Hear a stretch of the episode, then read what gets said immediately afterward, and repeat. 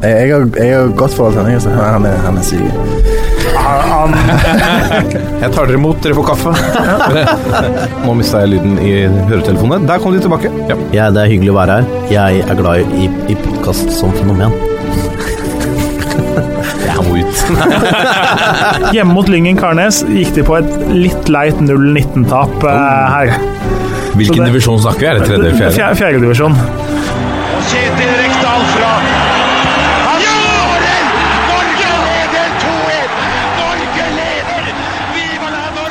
Der er uh, toppfotball tilbake igjen.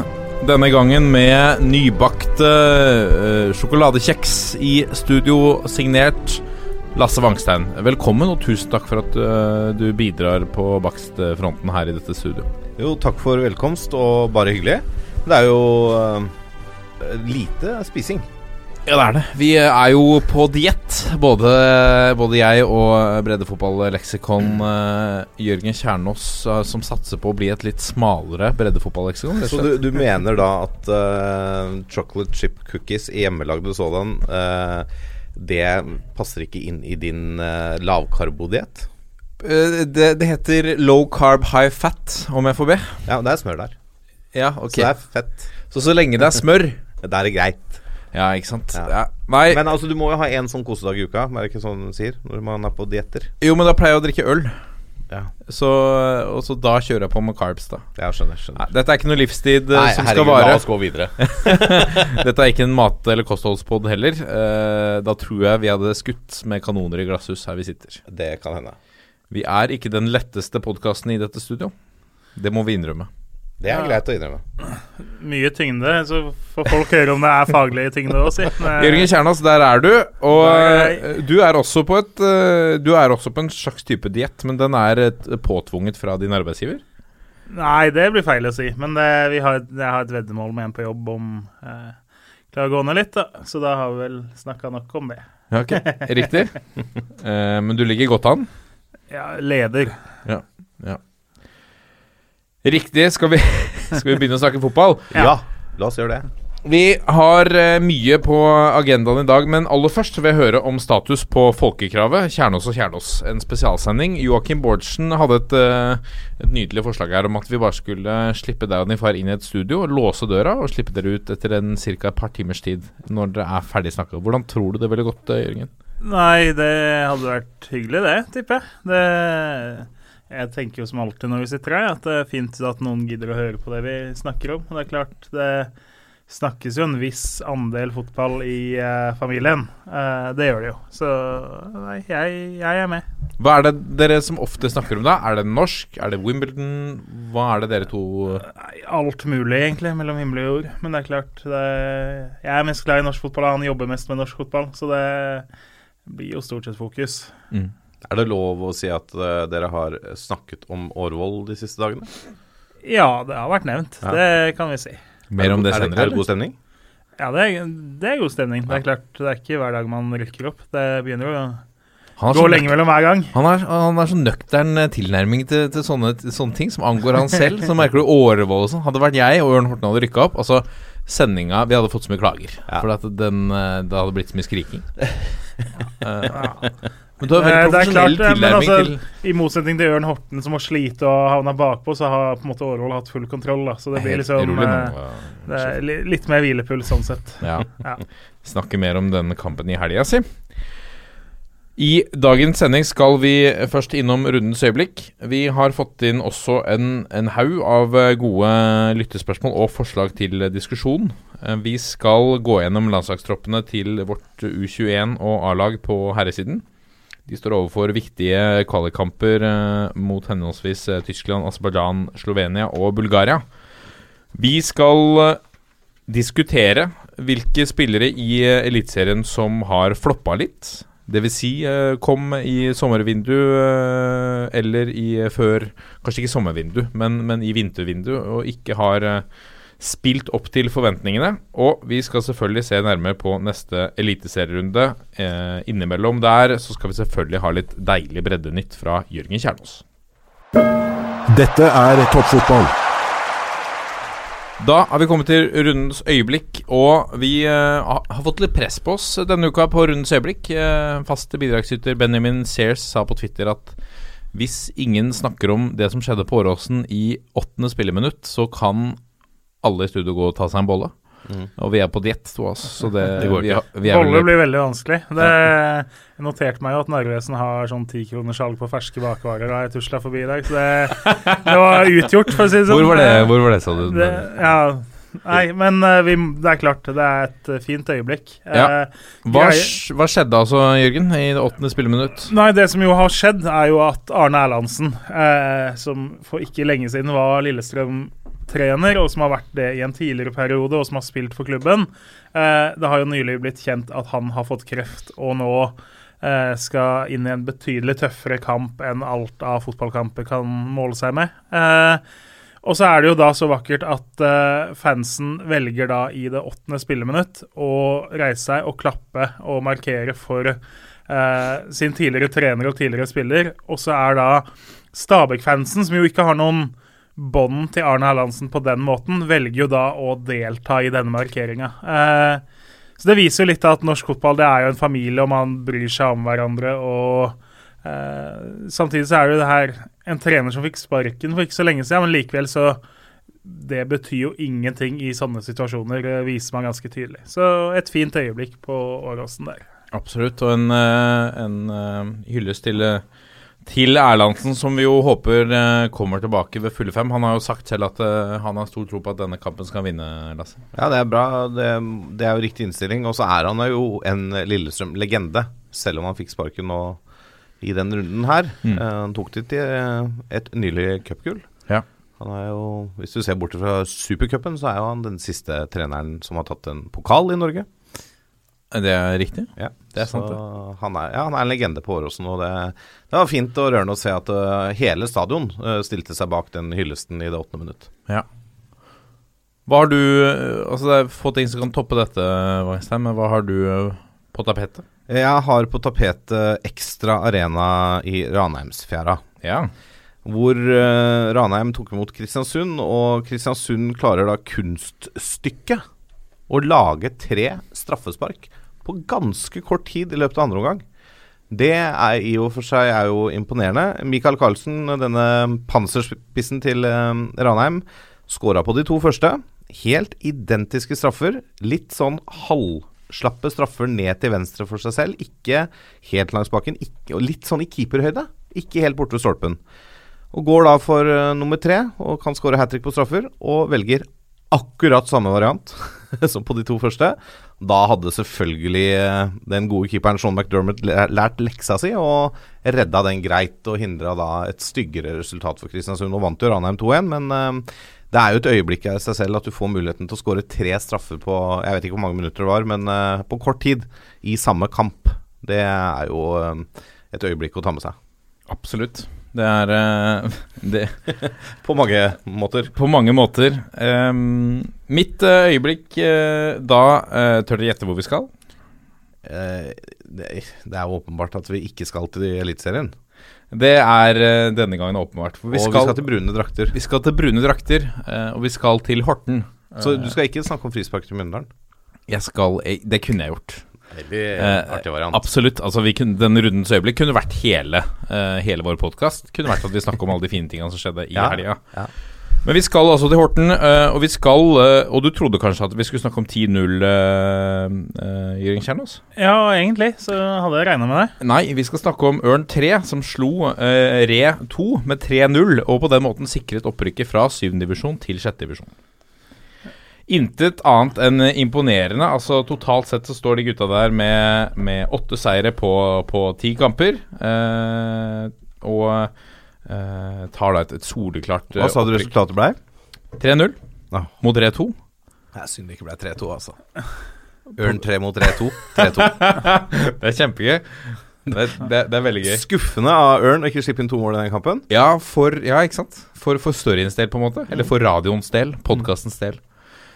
Uansett, Kristoffer Silberg, Johan Tarbogen Jacobsen og Lars Rustad sørga for at, eh, at Re 2 ble eh, nedsabla med, med 3-0. Dette er jo da gamle minst to av navnene kjenner man jo igjen fra Ørns første lag for ikke så altfor lenge siden. Kristoffer Silberg er jo en, en klubblegende.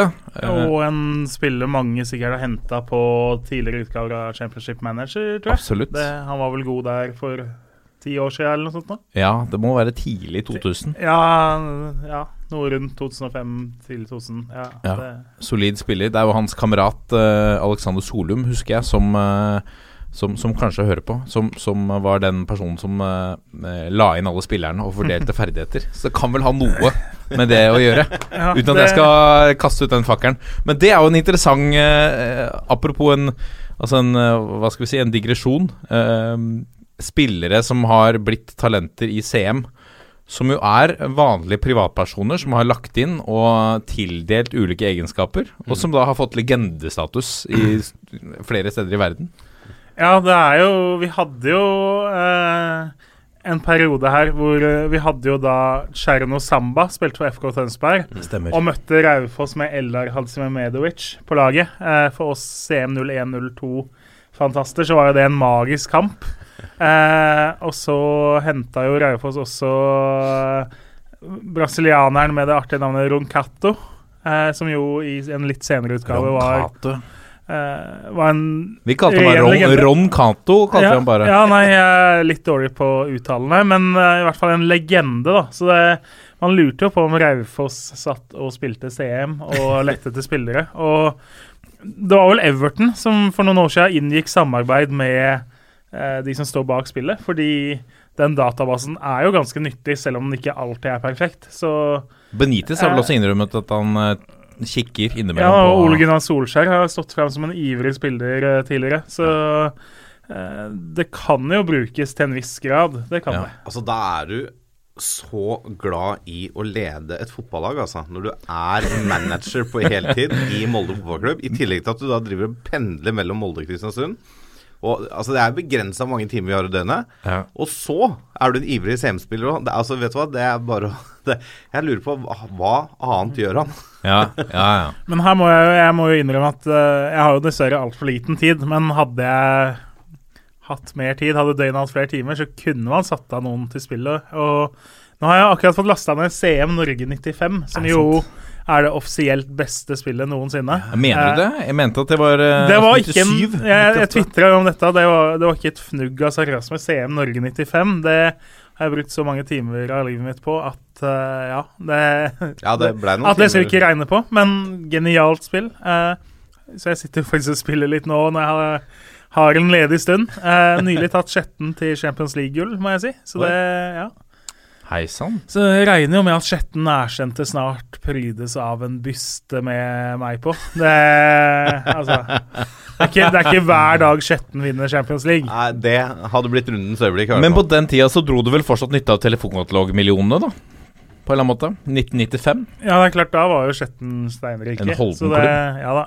Og ikke å- minst hadde de spillere som Bjørn Heisholt og eh, Olav Sanetti på laget. Legenden. Fantastiske spillere. Både Sanetti var jo fantastisk i virkeligheten òg, eh, men på spillet òg geniale. Har Ja. mottaket mottatt et skudd? Det var det var ikke det? Nei, Nei det var Peter det var, nei, det var broren Edvin Wernie. Edvin Wernie var det. Ja. Stemmer. For å eh, på en eller annen måte runde av eh, CM-diskusjonen Det er synd, for det er en, det er en, det er en fin diskusjon. eh, så må vi tipse om Aslan Farshan i VG, som har eh, satt Husker du, eh, det husker de selvfølgelig, at du kunne sette CM på, på ferie Mm. og forlate maskinen og, og, og stikke og gjøre noe annet. Det gjorde de jo i VG-redaksjonen. De dedikerte en maskin til å gjøre det, eh, og simulerte spillet i 100 år, eller 200 år, eller noe sånt noe. Så kom de tilbake, og da hadde Korsvoll vunnet Ja. Elit- Eliteserien 16 år på rad. eller noe. Så det er, eh, det er bare å jobbe der oppe på Korsvoll. Så eh, om, om et par hundre år så får dere lønn for det strevet dere legger ned. Men altså opprykk for eh, Ørn eh, 3. Det ser akkurat nå litt lysere ut for de enn det gjør for, eh, for eh, A-laget. Selv om de vant 10-0 mot Egersunds Ja. IK IK. eh, To. to. Ja. Eh, da har vi jo ikke denne helga, men neste helg, vel, så møter de Sola til det som jo kan bli en rein opprykksfinale. En Så det- Dette er toppfotball. Og da skal vi ta for oss innsendte lyttespørsmål på Twitter.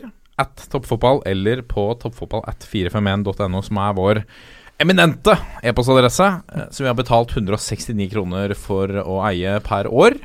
Jeg gleder meg til den vi får inn eh, noen solide bud fra, fra eh, et Kanskje potensielt fotballmagasin. Kanskje du kan selge halvparten til Drillo? Tenk Drillo at 451.no. Han, måtte- han må jo elske den e-postadressen. Ja, det er, det er sant, faktisk. Så hvis, altså, og det, og det, han skal få den gratis Ja. hvis Trenger- han ønsker det. For det er mer enn en, Du kan ha mer enn én adresse der. Det kan, det kan du. Eh, det kan du. Uh, Egil, hvis du hører på, du skal få Drillo at 451.no. Send oss en mail. Eh, vi eh, la ut på Twitter at vi skulle eh, hit i studio, selvfølgelig. Ønsket ting å diskutere. Gode spørsmål. Og det, er, det liker jeg veldig godt at vi får, for vi får litt andre typer vinklinger. Eh, gode forslag, gode diskusjoner. Det kommer veldig mye bra ut av det, så for, fortsett gjerne med det. Det blir Jeg syns, det er overraskende mye gode innspill. Det, Hva mener du med overraskende? jeg, jeg tror egentlig det verste om folk, men akkurat lytterne, lytterne våre er tydeligvis unntaket der, da. For det er mye, mye fint. Sympatisk, Uh... Veldig, veldig sympatisk. La oss begynne med sympatisk egenskap. Altså. Christian Johansen, adjunkt eh, Johansen på Twitter. Han eh, skriver Trøndere på RBK, bergensere på Brann, nordlendinger på Tromsø. Er det så forbaska viktig? Se f.eks. Premier League, hvor det knapt er engelskmenn, men populariteten har kanskje aldri vært større. Profiler versus lokale helter? Spørsmålstegn. Ja, eh, det er jo et veldig godt eh, tema, som vi vel har vært innom litt før. Men eh, jeg syns det blir feil å sammenligne eh, det multimilliard-greiene som skjer nede i Premier League, med lille Eliteserien. For vi må være ærlige. Norsk fotball er lite når du ser på hva som rører seg ute i de store ligaene i Europa. Eh, jeg tror i norsk fotball at eh, for å skape et lokalt engasjement rundt din lokale klubb, så er du avhengig av å ha noen lokale profiler eh, på laget.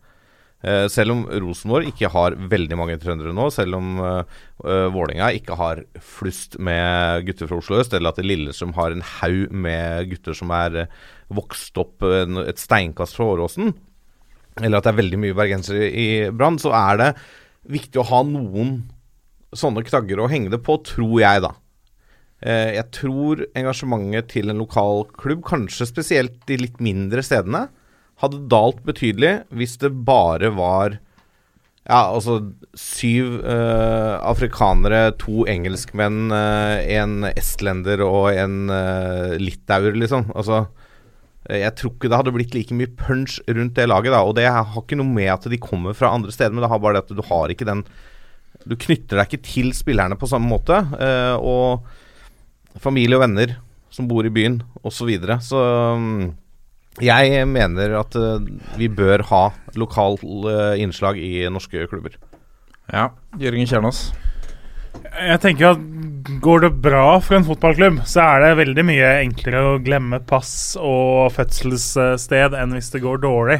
Ja. Eh, det er på en måte enklere å tilgi han lokale fyren du har gått på skole med, eller hvor mora di kjenner moren hans, eh, for at det går dårlig, da. Men uh, en spillere som du mistenker at kommer til å stikke av ved første mulighet. Uh, så man må i hvert fall strebe etter å ha noen, men vi kommer jo aldri til å være tilbake der hvor Rosenborg vinner over Milan med ni uh, trøndere på laget og sånn. Kommer vi aldri tilbake dit? Nei, det kommer aldri til å skje. Det Jeg tror ikke Ranheim kommer til Champions League og slår Milan eh, med det første. Nei, nei det, det, det kan du si, og det handler vel litt om, om eh, at Champions League også har blitt tøffere. Men, men kan vi få et Rosenborg uh, f.eks. med bestående av flertallet trøndere uh, igjen? Ja, nå, altså, Rosenborg er jo litt sånn problemet at de trønderne som er gode nok, er stort sett så gode at de spiller i bedre klubber, da. De har jo sendt ganske mange ut eh, gjennom de siste årene. Altså, se på Sørloth, Tetty, Skjelbred, Midtsjø, Svensson f.eks. Ikke sant? Eh, de er jo mer enn gode nok, men de er for gode til å spille i Rosenborg. Og så har du litt sånn at det er ikke veldig mange av de som er rundt ellers, da, som er trendere, som er gode nok for et lag som skal vinne ligaen. Men du har jo noen. Så jeg tenker jo sånn som Si Gjermund Aasen, da. Jeg syns jo det er snålt hvis man ikk- at man ikke henta han i vinter da han var uten kontrakt. Det ville vært en billig løsning. Han er god nok til å være en av fire-fem som bytter på plassene på den midtbanen. Og, så du ville fått en god lokal spiller, da. Eh, Assist-kongen i Eliteserien. ja, ikke sant. Eh, og så er jo sånn Torgill Gjertsen var jo et fantom i fjor eh, da han kom til Kristiansund. Ikke vært like god i år. Skal han inn? Han er, er han bedre enn de landlige, f.eks.? Uh, men det er klart, Rosenborg ser ikke først og fremst på om du er trønder. Uh, det viser jo ganske tydelig med signeringene de gjør, de valga de ikke gjør, da. Uh, men nei. Uh, noen må du ha, men du Miksen må til hvis du skal lykkes òg, da. Ville det vært flere på tribunen på Intility Arena og din hjerteklubb, Lasse, hvis, hvis eh, åtte av elleve var fra Oslo? Det vet jeg ikke. Jeg sa jo i stad at eh, jeg tror dette spesielt er viktig for de litt mindre klubbene fra kanskje litt mindre steder, hvor det er mer familie og venner og de som kjenner spillerne som kommer. Eh, men nå er det jo ikke Altså Oslo-innslaget i, uh, i Vålerenga nå er, jo bedre enn det kanskje Altså Det er i hvert fall noen, da. Du har Larsen Karasei, du har uh, Ivan Esberg som har spilt en ekte Vålerenga-gutt. Aminori er tilbake. Daniel Fjener Holm er kaptein. Ikke sant? Du, har, du har noen der, i hvert fall. Men Nei, jeg vet ikke om det hadde kommet så mange flere tilskuere akkurat på Intility, men jeg tror at det hadde ikke vært like mye trøkk rundt en klubb som Kristiansund eller Ranheim eh, hvis det bare hadde vært folk som kom fra andre steder. Mm. Eh, selv om altså, Trondheim er en stor by, men det er noe med den Altså Ranheim er litt sånn unntak på stor by. Det er en liten i hermetegn klubb i en stor by. Det er lillebror til Rosenborg, og de har på en måte kommet opp med den måten de har kommet opp med semiprofesjonelle spillere og, og lokal, veldig lokal tilhørighet, da, ikke sant? selv om selvfølgelig Reginussen ikke er trønder, men han er jo nesten det allikevel. Litt sånn som Mini Jacobsen var etter hvert. eh, Så det er um, Uten sammenligning for øvrig. Eh, Men uh, jeg, jeg tror det er viktig å ha de innslagene. Altså, jeg tror det Om det fyller stadion, nei, det vet jeg ikke. Men det handler noe om engasjementet, følelsen rundt klubben. Det er gøy å se gutta du så som tiåringer happe ball på Løkka, plutselig spille på den øverste arenaen i Norge. Det, det gjør noe med det. Og det gjør vel også noe med Må jo gjøre noe med talentutviklinga her til lands. Altså når du ser at at uh, nabogutten uh, debuterer for, uh, for Start, Mm. f.eks., og, og, og det gir et, et mål og en drøm om at, og et signal om at her er det mulig å oppnå noe. Kontra om, eh, om eh, alle på Start eh, kommer fra, fra Østlandet. Ja, helt klart. Er det La oss ta Start, da, f.eks. Det har vært store Det er store planer og visjoner for, for nåværende, nåværende Start-lag. Um, så har det vel nok akkurat nå med å holde seg i divisjonen. Men på sikt har dette laget her, med disse folka i ryggen, større potensial enn enn startlaget med Fredrik Stømstad, Kristoffer Hestad, Atle Roar Haaland, eh, lokale eh, lokale Altså, det er vel sagt at det startlaget med de spillerne der som rykka ned i 2007, var ikke det? Er jo et av de bedre lagene som har rykka ned fra sånn spiller for spiller, når du ser Ja, det tok jo sølv for ikke Ja, ikke sant, Det var ikke mange år før de tok sølv. Du har jo Fredrikstad selvfølgelig som rykka ned Brann i 2014. Men altså det er liksom en sånn De nevnes der som en av de beste lagene som har rykka ned. Jeg mener ikke at det startlaget vi ser nå, er eh, på samme nivå. Eh, Det kan godt hende at de blir det. Det er masse potensial i det startlaget. Det er masse, kjempemasse spennende spillere. Men de har jo eh, noen, ikke sant. Sånn, Tobias Tobias Christensen, ikke sant. Og det er En ting er, Du nevner det med spillerutvikling. Det er det å ha den på en måte lokale helten å se opp til da, når du er ung. ikke sant? Mm. Eh, å ja, han har fått det til, da kan, kanskje jeg kan få spille der en dag òg. men nei, det, er ikke, det kan ikke sammenlignes, det 2007-laget til start og, og det laget du ser i år. Nei. La oss gå eh, videre. Uh, Christian, 30 understrek Christian lurer på eh, antallet andre lag ser ut til å øke i tredjedivisjon i 2019. Utvikler tredjedivisjon seg til å bli en reserveliga light, og vil dette få store konsekvenser på sikt? Kjernås? Uh, ja, det gjør det jo. Uh, det det handler om her, er jo at i år så er det vel 15 andre lag, tror jeg, i tredjedivisjon.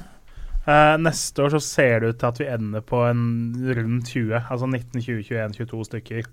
Det vil si at hvert fjerde lag i tredjedivisjon er da et andrelag i neste sesong. Eh, da begynner det å bli ganske heftig. Da snakker vi om at det er tre eller fire andre lag i hver eneste avdeling av 14 lag. Uh, og så veit jo alle, regner jeg med, at det som jo er essensen, er jo at noen ganger møter du en gjeng 17-åringer, og landslagsspilleren er på landslagssamling. Uh, mens i neste kamp så kan motstanderen da møte åtte proffer og fire U-landslagsspillere. Eh, så har ting blitt bedre, fordi tredjedivisjon har blitt så god at klubber er nødt til å stille ganske sterkt eh, i de aller fleste kampene. De klarer det ikke hver eneste gang. og så eh, så Det er jo litt uforutsigbarheten bak det. Eh, men det viser jo i hvert fall at tredjedivisjon har blitt en ganske god utviklingsarena, da, hvis man skal trekke fram noe positivt. Det, En del av de beste klubbene ønsker ikke nødvendigvis å rykke opp til andredivisjon, de ønsker å bli i tredje fordi det er et passende nok nivå for uh, deres unggutter. Uh, da vi hadde dobbelt så mange avdelinger, så ville de mest ambisiøse klubbene ha sitt andre lag i andredivisjon. Fordi da var ikke tredjedivisjon eh, en god nok arena for å utvikle de beste unge talentene. Nei. Men tror du at, at den her kommer til å bli en ny reserveliga? Er det liksom dit vi Ja, går? og sånn er jo litt utviklinga. At eh, det henger jo også litt sammen med at uh, talentene drar jo tidligere og tidligere til storklubbene, som henter flere og flere unge spillere enn de gjorde for fem eller ti eller 20 år siden. Uh, og da vil jo andre lagene automatisk bli bedre enn de var før, da. Målt mot eh, klubber som ellers kunne vært i tredje-fjerde div. Mm. Eh, så jeg tror ikke vi får stoppa den utviklinga uten at det settes inn noe tiltak sånn som rein reservelagsliga. Eh, fortsetter ting som nå, så kommer det bare til å være flere lag. Eh, og én ting er jo at stort sett alle eliteserielaga har sine eh, reservelag der, og så blir det en del førstedivisjonslag som har det. Også i år så har jo både KFM og Hødd hatt et andre lag i tredjedivisjon. Neste år så ser det ut som Levanger kan få da førstelag i andredivisjon og andrelag i tredjedivisjon. Så det er jo litt sånn snodige varianter hvor da andrelaget spiller på nesten samme nivå som førstelaget. Og så, har, eh, og så er det jo sånn at eh, det, det har jo gjort noe tiltak. ikke sant? Det er dette med maks antall spillere over en viss alder du kan ha på banen av, gangen, er det ikke det, for disse andre lagene? er tre stykker over 22 år. Ja, ja, ikke sant. Og det, det, det reduserer jo uh, faren for at en, en eh, klubb som har 22 nesten like gode spillere, altså Sarpsborg har vi jo snakka om før, har nesten to identiske elvere. Det reduserer jo faren for at de på en måte dytter ned de elleve som ikke starta for eliteseriekamp i- på andrelaget, hvis en del av de er over 22. Ja. Eh, og da, da jevner du ut det der lite grann. Men jeg tror for norsk fotballs utvikling eh, så tror jeg det er bedre å gjøre det sånn som vi gjør det nå, enn å ha en egen reserveliga. Fordi at det, nå er det Nå spiller du kamper i hermetegn som betyr litt mer, da, for det er et seriespill. Det er liksom en del av seriespillet, enn om du skulle hatt en egen reserveliga hvor det er litt sånn Ja, ja, vi spiller for å få litt kamptrening. Men det, ja, og Sarpsborg er jo faktisk en av altså, De spilte jo akkurat nå toppkamp mot Sprint i Jeløy. De kjemper jo om å rykke opp fra fjerdedivisjon. Mm. Eh, hadde da på laget Bjørn Inge Utvik, Ori Omarsson, Osman Mohammed, Gaute Wetti, Kristoffer Larsen, Suleiman Bojang, Anwar Elionossi, Jørgen Strand Larsen, altså Johan Herregud. Olstad. Mm. På benken satt Mikkel Agel og, Agger og Jon Helge Tveita. Ja. Så Var kanskje et dårlig eksempel, men ja, eh, jeg, må, jeg måtte bare skyte inn. Ja, eh, den Eh. De vant 6-0 i den Ja, ikke toppkampen, og kjemper jo da med Fredrikstad 2 om opprykket. Så tøffe kår for Sprint Jeløy og de andre i toppen der, da. Men jeg tror skal vi, skal vi skape bedre fotballspillere, Mm. Eh, så tror jeg det er godt å ha disse andre lagene i andre og tredje divisjon, eh, som har fått mye høyere nivå de siste åra enn det var for noen år tilbake. Eh, da får de en bedre konkurranse hver dag. Og det gjør at de blir bedre og bedre rusta til å ta steget opp til Obos eller Eliteserien. Så jeg syns sånn som det er Jeg, jeg skjønner poenget med at når det du en uke sender et sånt lag som Sarpsborg gjør her, og så neste uke så sender du bare 17-åringene, så blir det føles det urettferdig for lagene Går, de møter. går litt utover interessen nå, Lasse? Når Ja, og vi, vi kan jo eh, ta altså I forlengelsen av det, eh, min gode kollega fra Avinor Oslo lufthavn, Petter Ødemark, LSK-supporteren, han skriver Vi i Bjerke synes lokalklubben til Lasse Eidsvoll IF gjorde bra i å stille et sterkt andrelag mot Holter IF og frarøve de opprykket på tampen av sesongen.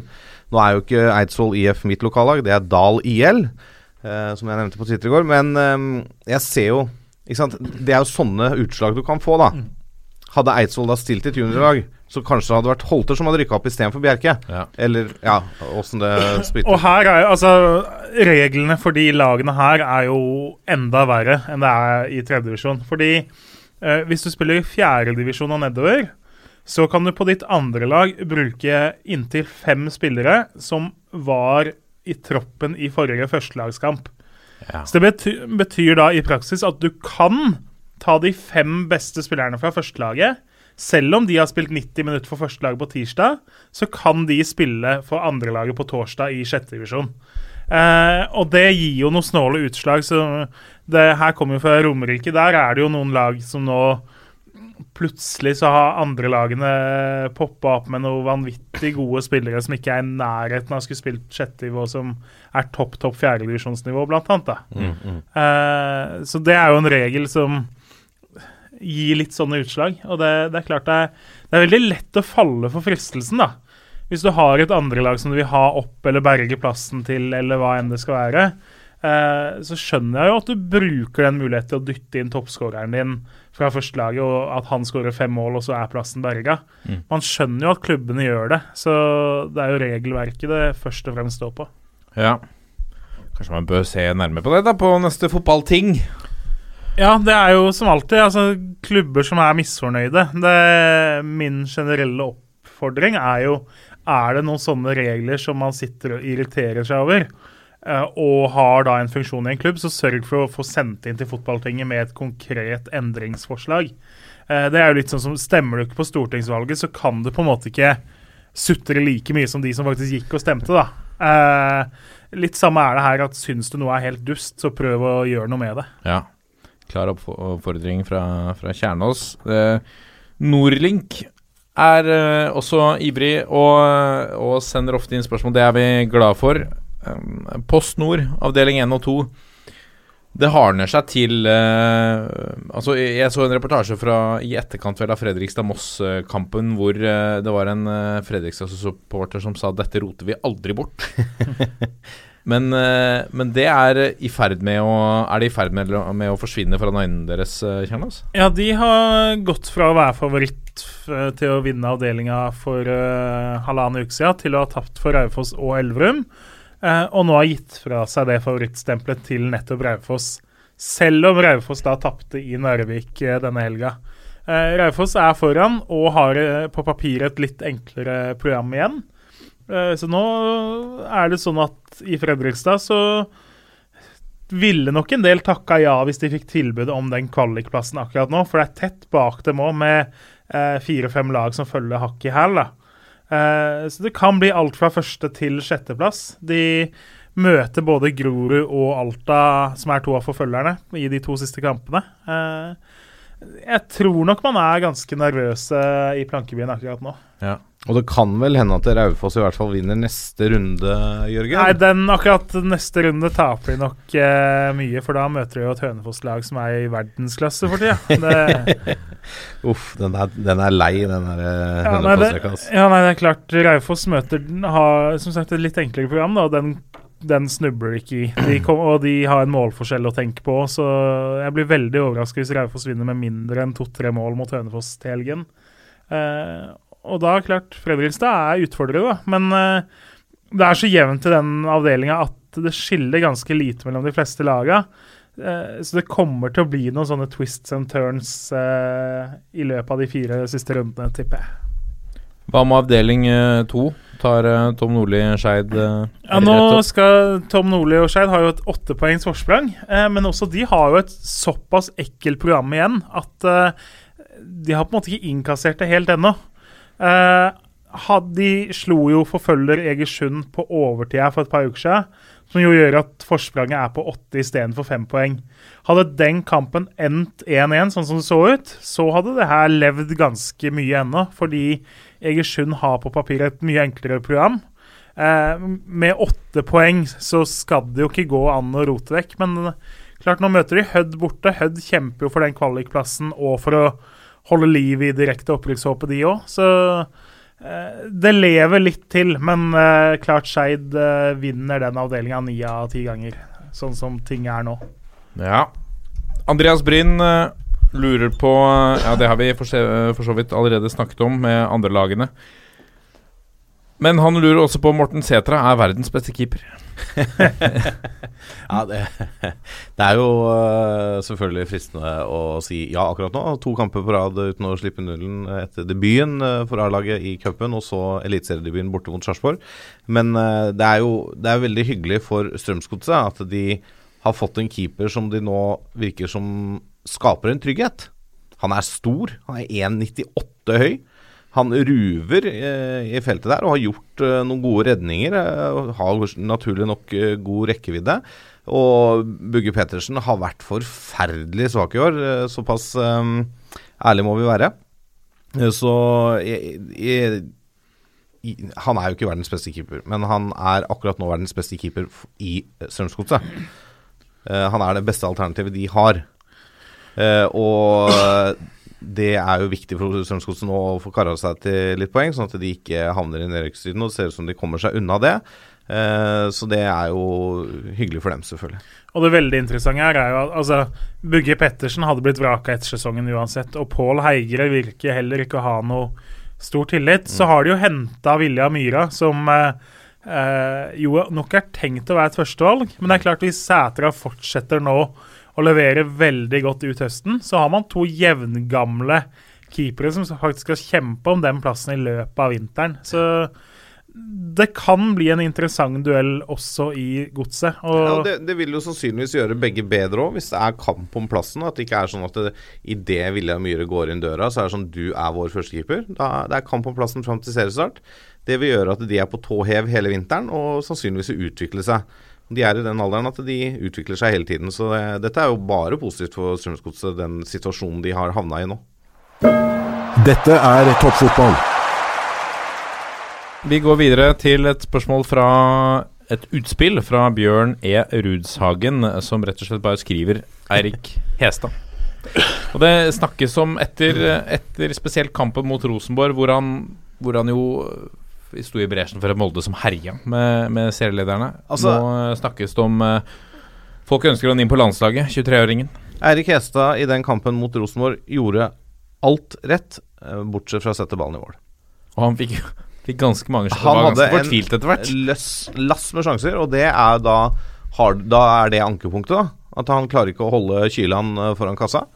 Men han spiller en fantastisk kamp. Han, eh, han er høyt og lavt. Han løper, han takler, han dribler, han uh, sender pasninger, han avslutter på mål. Og da kommer måla til slutt også. Uh, jeg skjønner veldig godt at uh, etter en sånn kamp så blir det landslagsdiskusjon, og det er jo selvfølgelig godt hjulpet av at Ole Gunnar Solskjær er ute og melder som han gjør. Men det er jo, det er vel litt tilbake til liksom den der at skal man drive på en måte hele tida hause inn egne spillere på landslaget etter én god kamp på rad? Nå har Eirik Hestad vært god i mange kamper, det er ikke det, men han var eksepsjonell mot Rosenborg. Eh, Men vi vet at Lagerbäck er ganske tro mot de han har valgt. Eh, han gjør ikke mye skifter i, i troppene sine. Eh, så veien inn til landslaget nå er lengre enn det kanskje var for tre, fire, fem, seks år siden. Hadde du noen sånne kamper da, så var du fort inne i landslagsdiskusjonen. Men um, det er klart Det er vel ikke midtbane heller som er uh, Det er ikke, det Det er plass til så mange flere? Nei, det er, vi har ganske mange å ta av på den midtbanen. Men det er klart, fortsetter han på den måten her, å levere uke ut og uke inn for Molde, og kanskje etter hvert da gå til en større klubb i en større liga, og, og fortsetter å levere på det nivået, så blir det vanskelig å komme utenom, i hvert fall. Ruben Gabrielsen er, eh, har noen fine, fine svar eh, Fine svar her, hvor han, eh, han sier at han har vært eh, glitrende i hele år. Jeg kan ikke forstå at han løper fra alle sammen, for han er egentlig treig. Men i match så er han plutselig veldig kjapp. I tillegg så sier han at eh, han vil ikke skryte for mye av eh, Hestad heller, fordi at han er et spesielt menneske. Han trenger ikke for mye ros. Nei, riktig. Så han er vel kanskje en litt sånn, eh, hva skal vi si, en, en type med litt spisse albuer og som liker å melde litt. Og vi trenger vel sånne type profiler. Det er jo en Men han sånn type tåler ikke for mye ros. Da er det vel, hvis du spiller Fantasy, så tar du ut Erik Hestad før neste kamp, da. Ja, det, ja, det han har fått være. veldig mye ros denne uka her. Ja, men det har vel kanskje noe med at han blir litt høy på pæra. Ja, nettopp. Og da er det ikke sikkert han leverer like godt i neste kamp. Men er ikke det sånne typer som vi har snakka om, som, som melder litt, og som vi trenger på norske landslaget? Jo, vi, vi trenger jo det i fotballen. folk som tør å åpne kjeften litt og tør å melde litt, det er, det er topp, det. Nå er det av eh, de som slenger litt med leppa, i hvert fall på midtbanen.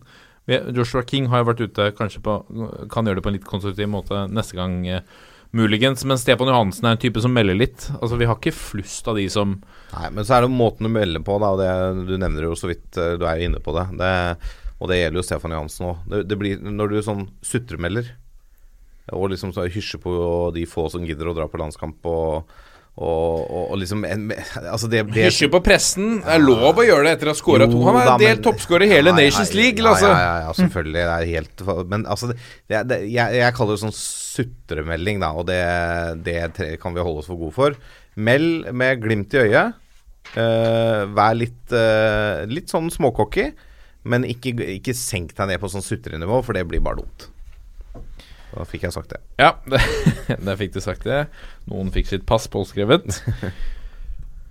Vegard Bjørgå spør om eh, hva vi tenker om Molde sin sensurering av Amnesty-budskap, og om eh, Norges beste brødrepar i norsk fotball akkurat nå er Lars og Morten Sæter. Nei, der Ta det siste først. Ja. Der vil jeg nok melde Mats og Tore Reginiussen.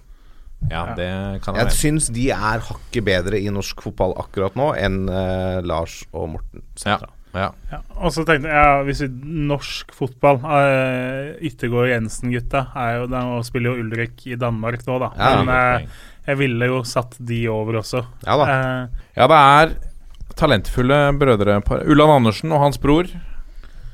Ja, nå har jo Andreas Ulland Andersen offentliggjort i dag at han skal være spillende trener i femte divisjon for Av Alsnes eh, neste år. Så Riktig. god spiller i andre divisjon og har vært god, men det er klart eh, rykker jo litt nedover på lista automatisk da når du går ned til 50. Bjørgås eh, første del, delspørsmål var eh, hva vi syns om Molde sin sensurering av Amnes budskap. nå igjen, altså. Så skjedde dette i runden som var, og jeg sitter jo fortsatt med min oppfatning av at det at de sensurerer ting, skaper jo mer negativ oppmerksomhet rundt dette enn om de bare hadde latt det være. Jeg er helt enig. At de ikke har forstått det enda. Altså hadde de bare, bare slippe inn det banneret. Vi hadde ikke fått noe presse på det. Nei, hvis, hadde ikke fått eh, noe press på det, men når de da velger å ta det fra eh, det, og bruke politistyrker og vakter på å liksom passe på at det banneret ikke kommer inn og være liksom bruske, ikke sant. Da får du press på det, og da får du negativ oppmerksomhet, og så får du mer oppmerksomhet rundt saken. Det kan hende de i Molde tenker at all PR er god PR, men den strategien, sånn fra et eh, kommunikasjonsfaglig ståsted, eh, hadde ikke jeg støtta. Nei. Nei, det eh, Ja. Det er jo altså eh, Det er jo et budskap som absolutt alle kan støtte. da Altså Ja. nei er nei. Eh, og så skjønner man jo hvorfor Rosenborg-supporterne vil ha det med på denne kampen. Og jeg syns jo det Amnesty også uttalte i Nettavisen, at de håper jo dette banneret kommer opp flere ganger, at det ikke bare er på denne kampen pga. Mm. den saken. Eh, og det håper jo jeg òg. Eh, men samtidig Men i hvilke andre fotballkamper skulle ta med et banner som står nei er Molde spiller kamp hver runde, de. Ja, det er sant. Ja, men, ja, men altså det, det er et fint standpunkt. Altså, Ja, Altså, altså, for meg så er supportertribuna et sted hvor det skal være skyhøy takhøyde, på en måte. Og det skal være litt rom for sånne ytringer som ikke handler om det som skjer på banen. Eh, så jeg håper jo at Molde skjerper seg, og så håper jeg at banneret dukker opp hos kjernen både på neste hjemme og neste bortekamp. Ja, det er jeg helt enig i. Og det er sånn som det der banneret mot voldtekt, som ble tatt bort med mot-logoen. Altså Mot er, er samarbeidspartner med Molde, og de har vært helt stille i hele den saken her. Eh, og det, det handler om å vise mot og si nei, og det handler om å liksom stå opp mot urett og sånne ting. Og så kan du godt si at det har vært forhåndsdømming og alt sånn. Nå har det foreløpig en konklusjon i sakens anledning, men å ha et budskap generelt mot Og vi skjønner alle hvorfor det kommer mot Molde, men ha et budskap på de, de, punktene der, det kan du ikke drive og sensurere. Det må skjerpe seg i Men, men er han ikke Er han ikke uskyldig til det motsatte er bevisst? Og er han ikke strengt tatt frikjent? Han er frikjent, eh, men dømt til å betale erstatning, og saken er anket. Eh, så ja, selvfølgelig er han Men allikevel, standpunktet Uansett åssen du snur og vender på det, å være imot voldtekt, eller å si at nei er nei Sex uten samtykke er lik voldtekt. Det er standpunkt som enhver klubb, ethvert menneske, bør kunne stille seg bak. uavhengig av klubbtilhørighet. Og det syns jeg er helt fint at eh, man kan få lov å melde med, med bannere. Ja. Til slutt, eh, Jonny Normann Olsen vil gjerne at vi skal si en hyggelig ting om Skeid. De Har vi noe rykker hyggelig- opp. De, men, ja, ligger han til å rykke opp? Ligger han til å Har vi noen andre, andre hyggelige ting å si om Skeid? De er en veldig, veldig fin nabo.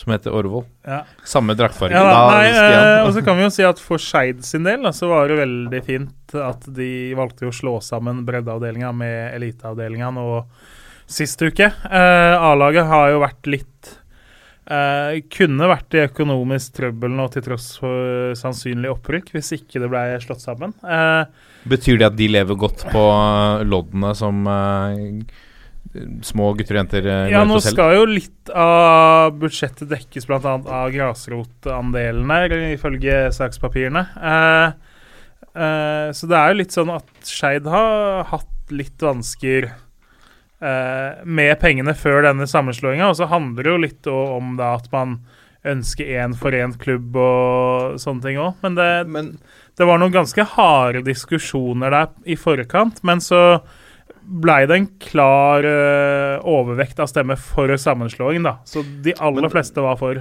da må jeg bare få lov Da, da blir ikke det her veldig positivt, da, men uh, du sier grasrotandelen.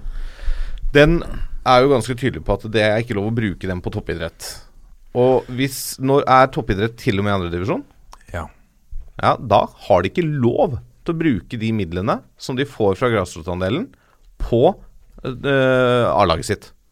Det, det er et brudd på grasrotregelverket. Ja, og i hvert fall hvis det kommer opp i Obos, så er det jo Jo, men, jo, men hvis eh, andredivisjon også eh, betegnes Ja, som toppfotball, er så har de ikke lov til å bruke en krone av de midlene. Da må de bruke loddpengene på A-laget, og så må de bruke grasrotpengene på bredden. Altså, dette klarer man jo å trikse Jo, jo, selvfølgelig, men jeg bare altså, Det er jo altså, litt av utgangspunktet her er jo nettopp det grepet som mange gjorde for, noe, for flere år siden. Å å splitte klubben i to. Vi så Lyn gjorde det. Vi har sett flere klubber som har splitta toppfotballsatsingen med bredden. Ja, og det Da må jeg få lov å si det syns jeg er et mye bedre alternativ, da. Fordi eh, Sånn som med Lyn, da. Da de eh, gikk konk med elitesatsinga si. Tenk om de hadde vært en del av eh, breddeidretten i Lyn. Da hadde de tatt med seg hele eh, driten i drag, dragsuget. Ja. Det hadde vært x antall hundre, eller kanskje tusen, unge spillere på, i breddeidretten som ikke hadde hatt et tilbud. Så jeg syns det at man skiller ut topp, altså A-lag og rekruttlag mm. i en egen greie med samme klubbnavn, eh, sånn at det ikke du eh, på en måte går utover breddeidretten hvis det går til helvete. Ja. Og jeg er veldig usikker på om Skeid har lov til å slå sammen A-lag, altså elitesatsinga og breddesatsinga på den måten, eh, og så fortsatt hente grasrotmidler, da. Det håper jeg de har sjekka nøye opp eh, på Nordre Åsen. ja. Men når det er sagt, så er Skeid en veldig bra klubb. Altså det er en bra breddeidrettsklubb. Eh, de skaper aktivitet i Oslo, og de har fått fram masse fine norske fotballspillere til eh, både landslag og toppklubber. Så det er veldig lett å si veldig mye fint om Skeid. Det virker som en bra klubb. Ja. Som også er flinke til å plukke spillere på, eh, i, tidlig, eh, i tidlig alder ja, fra klubbene rundt. Men det er jo, Og så syns jeg det er bra for Oslo-fotballen at eh, man sannsynligvis får opp et lag på nivå to også. Nå kommer pulsen. Og da har vi kommet til pulsen, og vi begynner pulsen med landslagstroppene. La oss begynne først med U21-troppen, som skal møte Tyskland og uh, Aserbajdsjan. To meget viktige kamper for vårt U21-landslag i kampen om EM-plass. For her er det jo sånn at, at uh, Førsteplassen, som nå innehas av Tyskland med 18 19 poeng foran Norge på andreplass med 14. Så vi er jo både avhengig av å slå Tyskland og at Tyskland avgir poeng. Tyskland har eh, eh, Irland i, altså på tredjeplass i uh, siste match. Det er jo ikke utenkelig at de avgir poeng der, men altså vi er nødt til å gjøre jobben. Havner vi på andreplass, så det, spiller vi playoff med, med de andre andreplassene. Hvis vi ser på på, på troppen som eh, Leif Gunnar Smerud har tatt ut, hva, hva er umiddelbar oppfatning og tanker om den, eh, karer? Martin Samuelsen er tilbake. Ja, nei, altså jeg, jeg sitter og ser på navnene her, så er det jo mange som går igjen her også. Fra tidligere tropper. Eh, nå kom jo Erling Braut Haaland inn i forrige tropp vel, og er fortsatt med. Det skulle jo egentlig bare mangle, sånn som han har levert i Eliteserien i år. Eh, det er eh, Dette er spennende unggutter som eh, Smerud tydeligvis eh, har tiltro til. Og som har vist eh, tidligere at de kan levere gode resultater eh, med flagget på brystet. Eh, så det er selvfølgelig Altså, Tyskland borte, det blir ikke lett. Eh, vinner de den, da blir jeg særdeles imponert. Så er jo Martin Ødegaard eh, nede for å forsterke. Var det et fornuftig grep for, eh, for Ødegaard og for eh, U21? Tror du de har tenkt litt på at disse to kampene er så avgjørende her? Ja, det har de jo sagt òg, at det, det er jo selvsagt i dialog med eh, Lars Lagerbäck. Eh, og det er jo veldig fornuftig altså, de her har mulighet til å nå et sluttspill, og Martin Ødegaard kommer til å være en viktig brikke. Eh, det hadde han sannsynligvis ikke vært på A-landslaget. Mye bedre for Norge at han da spiller her, og bedre for han å få spilletid. Eh, men så er det jo ikke Jeg må jo bare si vi kjemper jo faktisk for å få spille playoff, for det er vel bare de fire beste toerne i gruppene som får spille det. Uh, vi må sannsynlig Vi må nok ha i hvert fall fire poeng for å faktisk få spille playoff hvis vi blir nummer to. Så uh, det er et tøft nåløye, altså. Og det, det er mye gode lag som er eh, Som ikke leder sine avdelinger. Ja, vi kan jo altså, Men når vi ser på liksom angrepstrekk her, og som er veldig opptatt av norsk ball Når vi snakker om, om spillere på U21, Erling Braut Haaland, Dennis Johnsen i Ajax, Martin Samuelsen, Tobias Heinz i Sarpsborg, Martin, Ødegaard, Mm. Hugo Vetlesen, som uh, har vel over 50 kamper for Stabæk allerede. Eh, Morten Thorsby, Thorsby, ja. som uh, briljerer i nederlandsk æresdivisjon. Altså, det, det, det, er, eh, det er en gjeng her som banker på døra til, uh, til Lagerbäcks uh, mannskap. Ja, I hvert fall om noen år så er det jo noen av de her som bør ta det steget opp. Uh, det er helt klart. Og sånn den åpenbare kandidaten akkurat nå, sånn som jeg ser det, er jo selvfølgelig Braut Haaland. Også i kraft av at han er en veldig fysisk uh, spisstype, uh, som Lagerbäck er glad i. Så, men, det, men det er klart at det, men, men alle disse spillerne i U- U21-troppen kommer ikke til å få A-landskamper. Sånn er det bare. Ja. Vi har noen eh, altså, vi, to talentfulle keepere også i Sondre Aasbakk og Viljar eh, Myhra. Uh, Julian Ryerson, Andreas Hanke Olsen, Fredrik Pallesen Knutsen, Bjørn Inge Utvik, Ulrik Uttegård Jensen, Birker Rissa, Nico Mikkelsson, Tobias Børkeie, Vebjørn Hoff.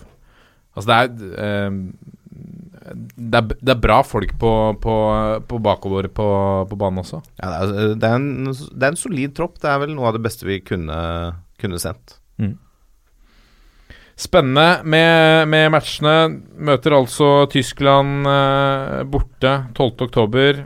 Eh, i Ingolstadt og hjemme på Marienlyst mot Aserbajdsjan 16.10. Samme dato som Lars Lagerbäcks mannskap spiller mot Bulgaria. Litt spesielt, akkurat det.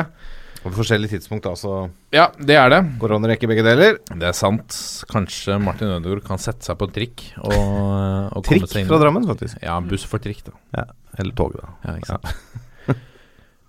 Lars Lagerbäcks eh, mannskap, da. Vi, eh, er det noen eh, Den er vel velkjent for de, for de fleste som, som kjenner eh, og følger med på, på norsk ball. Eh, Even Hovland og Mart, Mats Mølle Dæhlie er inne igjen. Ja, altså Even Hovland kom jo inn fordi Kristoffer Ayer er ute med skade, og, og Håvard Nordtveit soner karantene i den første kampen. Eh, så det blir jo på en måte cover i midtforsvaret der. eh, så det er jo helt naturlig at eh, han er et alternativ der, og får den, får den ikke. Han har vært i, i miksen der før, så det syns jeg egentlig er helt greit. Eh, Mats Møller Dæhlie også er jo på en måte en spiller som vi vet at eh, Lagerbäck har hatt et godt øye til, og nå, han, nå er han skadefri og får spille litt, grann, og da, da er det naturlig at han kommer inn eh, og tar plassen til, til Martin Ødegaard, som da heller kan få spille to ganger 90 for U21. Tror du han er frista til å la Hovland spille ved siden av Reginiussen i matchen? Ja, det I den første matchen Kjenner hverandre godt? Ja, det, det kan jo være et alternativ, det. Eh, nå som både Ayer og Nordtveit, da, som har spilt de siste kampene, er ute, så må han jo danne et helt nytt stoppepar i den kampen. Eh, men jeg, jeg tror nok at Rostedt eh, spiller altså får den ene plassen. Og så tror jeg Reginiussen eh, tar den andre. Roseth skåra vel nå i helga sin andre skåring på sesongen? Skåret et fint mål, til og med. Så det, jeg er helt enig. Jeg tror det blir han og Reginiussen som starter. Simen Juklerød, fortsatt ikke i troppen. Assist nå i helga. To assist. To assist, faktisk. Mm, og banens beste. Det, er ikke, det er ikke dumt, da. Han, eh, han, eh, det er stille fra nå, men han prøvde å snakke seg inn eh, ved forrige uttak. Ja. Og nå er jo eh, Birger Meling ute med en eh, strekkskade, eh, men jeg, tror nok Juklerød er et stykke unna den landslagstroppen uansett. Ja. Er det noen dere savner i denne troppen som dere skulle sett uh, vært med? Vi har vært inne på Eirik Hestad. Det er vel ikke helt plass uh, for han ennå? Nei, altså Jeg, jeg syns det er vanskelig å si at man savner noen når man egentlig vet før uttaket omtrent hva som kommer. Altså det, Setter du deg ned og set, skriver opp hvilke spillere du tror Lagerbäck tar ut i en tropp, så bør det være gode sjanser på å treffe på i hvert fall 21 av 23. Eh, det er sjelden noen overraskelser, og det er mer sånne tvungne bytter eller nye spillere inn. Eh, Pga. skader og karantener, som nevnt. Så mm, nei, jeg, altså selvfølgelig, jeg savner jo André Hansen i landslagstroppen, men han har takka nei. Eh, så, men det er jo en helt annen diskusjon. Er han Norges nest beste keeper i øyeblikket, André Hansen? Ja, jeg syns det. Ja, han er, i hvert fall. Kanskje nikker i- ja, i men, fall, Jo, men jeg er helt enig. Kanskje nikker på å være Norges beste også. Ja, jeg, jeg, men jeg skjønner at man har Jarstein foran, men det, jeg vil heller diskutere hvem som er best av de, og- enn om André Hansen er bedre enn Nyland, for det er han. Eh, Rune Jarstein, 34 vel. Mm. Hvor lenge kan han Altså, han eh, spiller jo som han kan holde på veldig lenge. Han kan holde på fire-fem år til, han. Ja. Det går helt fint, det som keeper. Og da har vel eh, André Hansen runda 30. Ja, det bør han vel ha gjort, da. Ja. Han nærmer seg vel. Ja. Så det er vel han, han ser vel også her at det er eh, såpass langt fram, med mindre Jarstein eh, nå Altså Det er vel ikke sikkert at Jarstein er blant Bundesligaens beste keeper i fem år til. Nei, men altså, så kan du si det sånn at hvis Jarstein nå Han har jo spilt bra i Bundesliga i år også. Og så kanskje kommer nå et sånt tilbud på slutten av karrieren, da. Som er så økonomisk godt at han ikke kan takke nei. Enten Kina eller eh, Midtøsten eller kanskje til og med en eh, championship-klubb i England. Så drar han dit, og så havner han på benken og får ikke spille. Da er det ikke mange månedene før han ikke er landslagskeeper lenger. Nei. For du kan ikke ha en landslagskeeper som ikke spiller kamper. Og da er det jo på en måte kanskje fort en helt annen eh, ja, pun intended ballgame for André Hansen òg. For da er det jo en ledig førstekeeperplass. Og Nyland men jeg er helt enig. André Hansen er per i dag mye bedre enn Ørjan Nyland.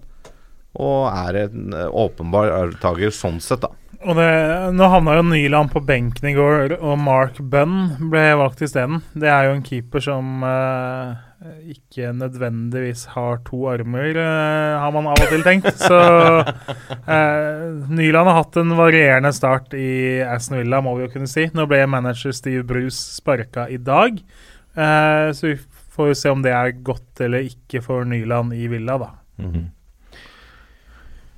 Vi går videre til pulsens eh, andre punkt, som er årets flopper. Vi skal være tidlig ute med å kåre årets flopp, men vi har vel noen kandidater i årets eliteserie som Vi kan jo begynne å se litt på dem, i hvert fall. Ja, absolutt. Ja. begynne å rote litt rundt blant de som vi føler ikke har eh, levert Um, Levert som vi kanskje forventet. Vi kan jo begynne med å ta en tur til, eh, til Drammen. eh, sammen med ett lag som noen mente kunne kjempe om medaljer.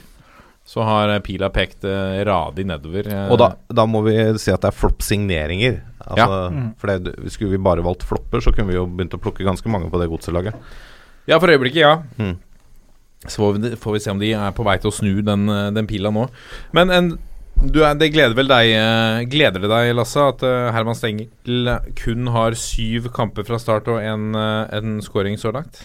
Nei, for den scoringa kom jo, som du vet, på, er på Valle. Mm. Nei, altså, det, det gleder meg jo ikke å si at noen spillere er flopper, men uh, uh, det er jo litt spesielt Herman Stengel-caset sånn fra et Vålerenga-ståsted, fordi han var så tydelig på at han skulle til Drammen for å få spilletid og bli satsa på, og det var liksom ikke Og han var lei av å kjempe om uh, sjuendeplasser.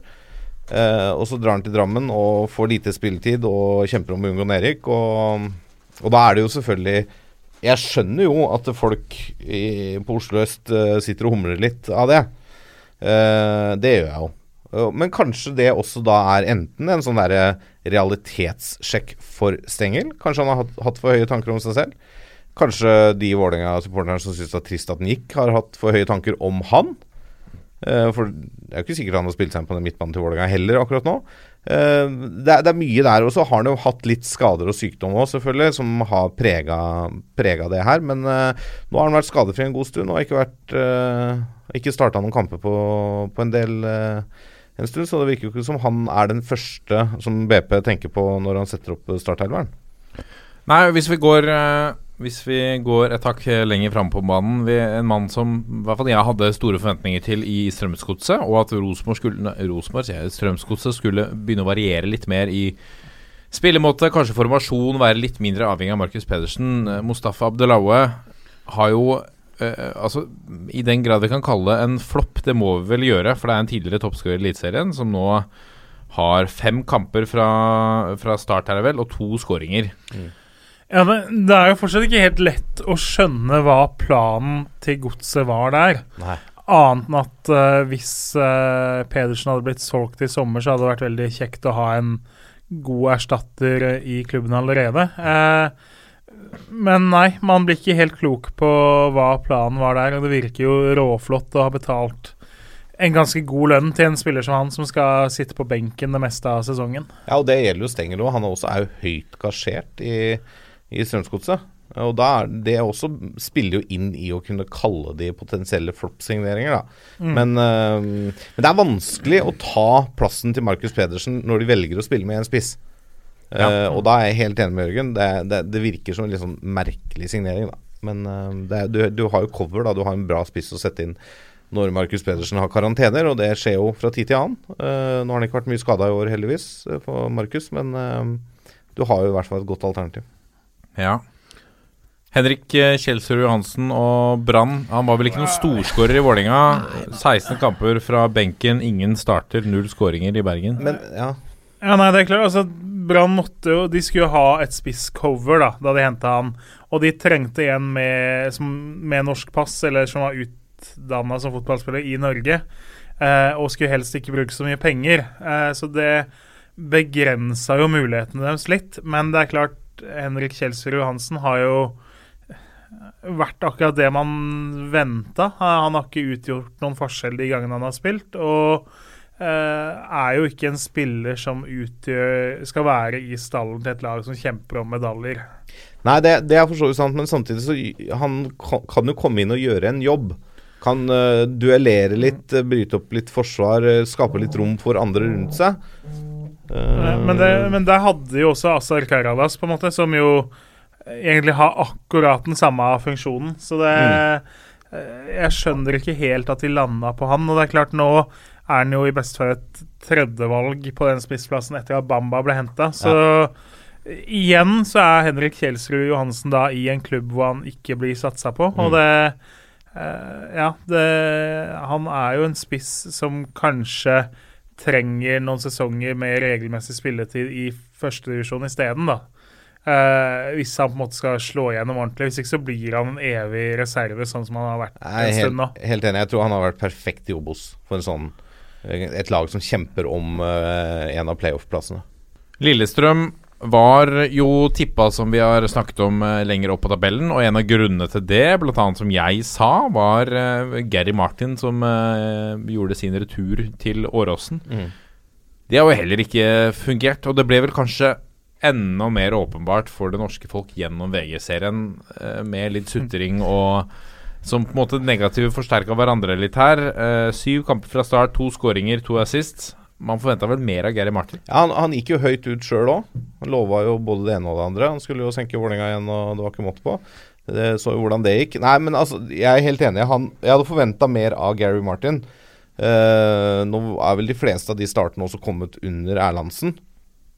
Hvor han kanskje passer enda bedre enn i Jørgen Lennartsons uh, spillemønster. Ja. Uh, Men ja, jeg hadde forventa at han skulle spille mer og levere mer. Eh, så jeg, jeg skjønner eh, tanken med å ha han på en sånn potensiell floppsigneringsliste.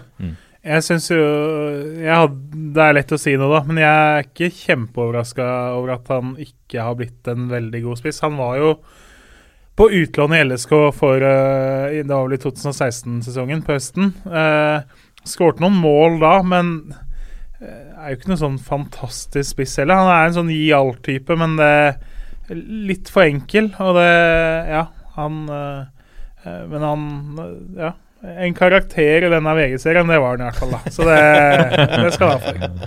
V- Ikke en flopp for VG, det må vi kunne si. Nei, han var veldig fin og nyttig der. Ja.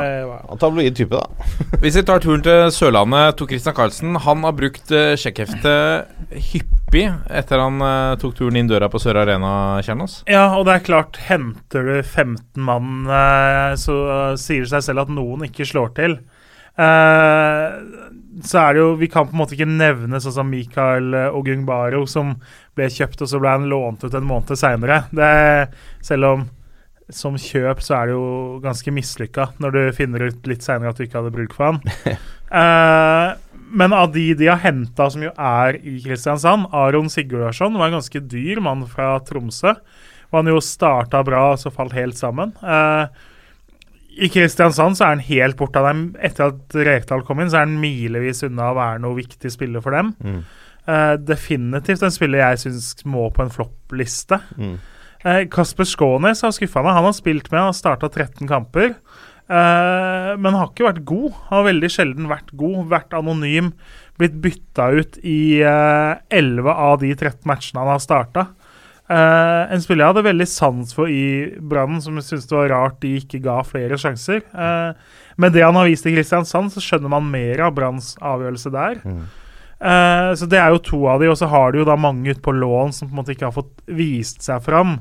Og som sånn sett er vanskelig å ha med på en floppliste. Men det er klart, Isak Lidberg har da vært på lån nå til Jerv og i HamKam uten å se ut som han tar førstedivisjonsnivå i det hele tatt. Eh, da framstår det jo litt snålt å ha kjøpt han eh, fra svensk fotball, eh, blant annet. Ja, Niklas Sandberg, som kom fra Ullkisa, hadde jeg store forventninger til. Han eh, leverte mye målpoeng i et par sesonger på Jessheim. Eh, og var jo egentlig jaga av flere, sier ryktene, flere eliteserieklubber.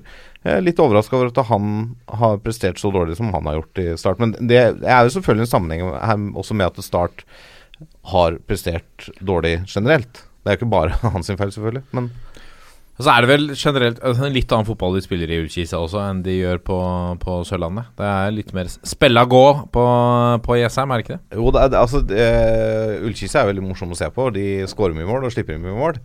Det blir alltid målrike kamper.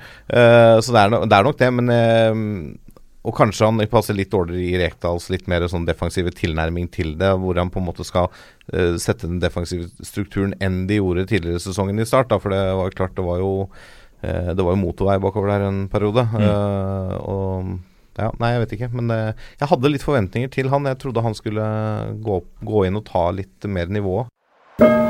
Dette er toppfotball. Da har vi kommet til Breddenytt ved Jørgen Kjernås, vær så god. Jo, takk. Vi, jeg tenkte vi skulle starte da med at den ikke helt ubetydelige fotballklubben Årvoll IL, jo, som vi har vært innom, eh, har jo da rykka opp til tredjedivisjon. Eh, ja, det syns jeg vi må klappe for. Eh, det er jo veldig stas, og så er jeg veldig spent på hvordan det blir neste år. De har veldig mange rutinerte spillere med erfaring fra høyere nivåer som ikke nødvendigvis passer like godt inn i hverdagen til at det da blir helgekamper. Som eksempel. Nei, altså Simen Stamse Møller eh, har jo en TV-jobb som gjør at eh, helgekamper ikke er optimalt. Eh, broren Julian Stamse Møller har vært med litt. Kamal Saliti er jo på laget. Kamal Saliti. Eh, Karl Erik Torp eh, Ja, er jo der. Eh, Endre Osnes, som jo er eh, fotballspiller, fotballekspert på TV 2 og prest. Eh, så søndags, tidlige søndagskamper er vel ikke optimalt eh, der, blant annet. Eh, og et par andre, da, som Så eh, det blir spennende å se hvordan man tilpasser seg tredjevisjon med de forutsetningene for mange nøkkelspillere. Eh, men eh, håper man unngår veldig mye lange turer, at det blir en mest mulig lokal avdeling, selvsagt, sånn som alle håper. Eh, da kan det bli gøy til tider. Ser du mye Årvoll-kamper live? Altfor lite. Det er det svar å være. Ja. Skulle vært der oftere, men det, ja, hverdagen er hektisk, dessverre. Skjønner. Har du noe annet eh, fra breddedypet du Ja vil da, by vi på? må, vi må ha litt kuriøse. Eh, det må vi jo. Eh, vi, jeg tenkte vi skulle snakke litt om fjell mot eh, Draffen.